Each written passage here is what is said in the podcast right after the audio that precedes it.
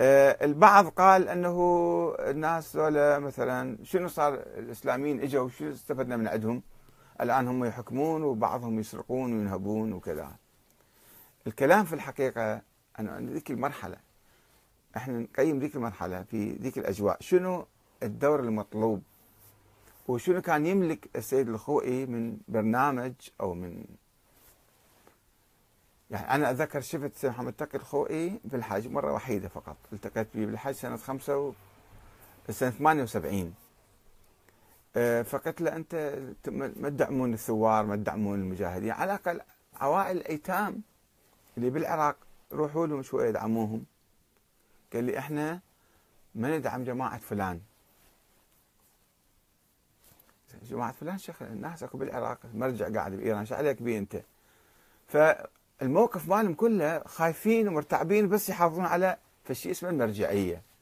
شنو فائدة المرجعية؟ إذا ما تدافع عن حقوق الناس وما تدافع عن حقوق يعني حريتهم أو كرامتهم وعزهم ف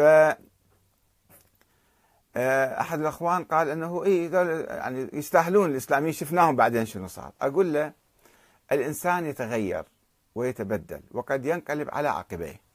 هذه سنة الله في الحياة. وقد حذر الله تعالى صحابة رسول الله من الانقلاب بعد وفاته أو مقتله.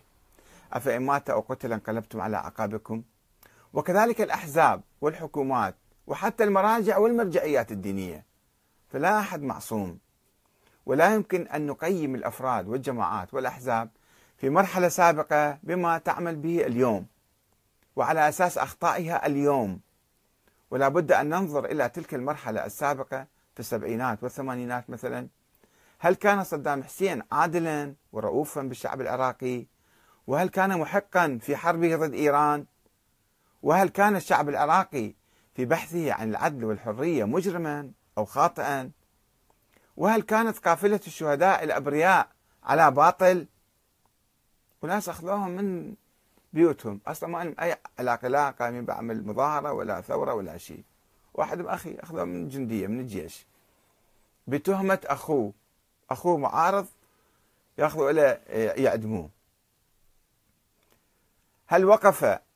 ولماذا اضطرت الناس إلى محاربة صدام والثورة عليه؟ هذا السؤال في ذيك الأيام المرجعية شنو؟ ما كانت تفكر بهالموضوع وأين كان موقع الخوئي من كل ذلك؟ هل وقف إلى جانب الشعب العراقي أو طالب بالحق والعدل والحرية لهذا الشعب ولو بصورة سلمية؟ هل فكر بوقف بموقف أو بوقف مجازر صدام بأي شكل من الأشكال أم لم يهمه سوى جمع المال والافتاء بالحلال والحرام؟ هل كان يملك أي فكر سياسي؟ لماذا خذل السيد محمد باقر الصدر وتركه محاصرا في بيته حوالي سنة كاملة ولم يقم حتى بزيارته لفك الحصار عنه أو التوسط مع السلطة لتخفيف العقوبة عنه على الأقل؟ هذا هو السؤال. هذا مثل موقف اليزدي مع ثوار النجف. في ثورة 1918 ولا يجوز أن ندين الشعب العراقي في حركته من أجل الحرية والعدالة في السبعينات والثمانينات لأن بعض ممثليه اليوم يسرقون وينهبون أو يخونون مثلا. وإلا هل يجوز أن ندين المهاجرين والأنصار لالتفافهم حول الرسول وجهادهم بين يديه لأن بعضهم وقع في الفتنة بعد ذلك مثلا؟ ما يصير الشكل كل شيء كل حدث تاريخي كل موقف يقيم في زمانه في مكانه. شنو موقف المرجعية من ذلك؟ المشكلة أنه بعض الناس يعطون دور للفقيه العالم مثلا. إذا كان عالم بس أنا ما أتكلم عن السيد الخوئي عموما يعطوه دور سياسي وقيادي وحضاري أكبر من حجمه. وهو ما مفكر بهالشيء ولا مصدي له ولا يريد. فتشوفون الناس ينتظرون من المرجع مثلا موقف معين وهو ساكت ما يحكي ما يتكلم.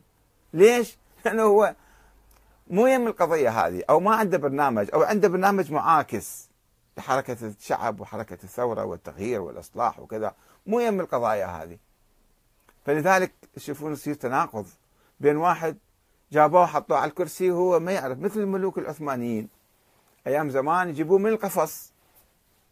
تعرفون الملوك العثمانيين كانوا يعيشون بأقفاص يعني كل آه، سلطان كان يخاف من إخوانه ومن أولاده ومن كذا فيحطهم في قصر وحريم وكذا ويغلق عليه الباب. ما يفتهم شنو أكو بالدنيا. مرة واحدة يموت هذا يجيبوه الجيش وذولا يجيبوه يحطوه هو صار خليفة صار سلطان. ما يعرف شنو أكو بالدنيا. فيلعبون بطوبة. كيفهم؟ مثل ما يردوه هم يمشوه حسب ما يردون.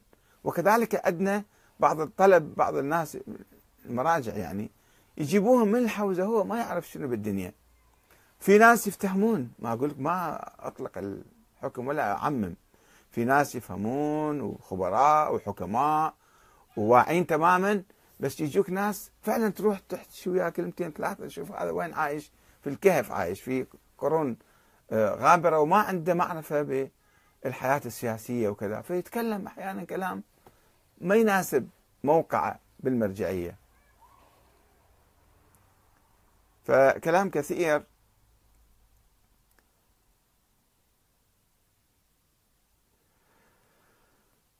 تعليقات كثيرة. أنا طولت عليكم واللي يحب يقراها نشوفها موجودة يعني في هذا الموضوع.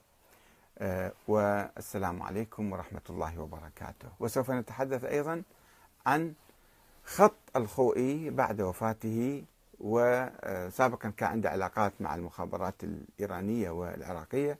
ثم كيف اتخذ موقفا منافسا إذا لم أقل مضادا لموقف الجمهورية الإسلامية بعد الثورة؟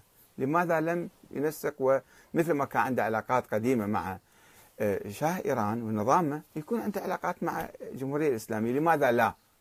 ما هو السر في ذلك؟ وكيف أصبح هذا الخط اليوم؟ آه، إلى آه، هذا الحديث بعد قليل إن شاء الله. والسلام عليكم ورحمة الله وبركاته.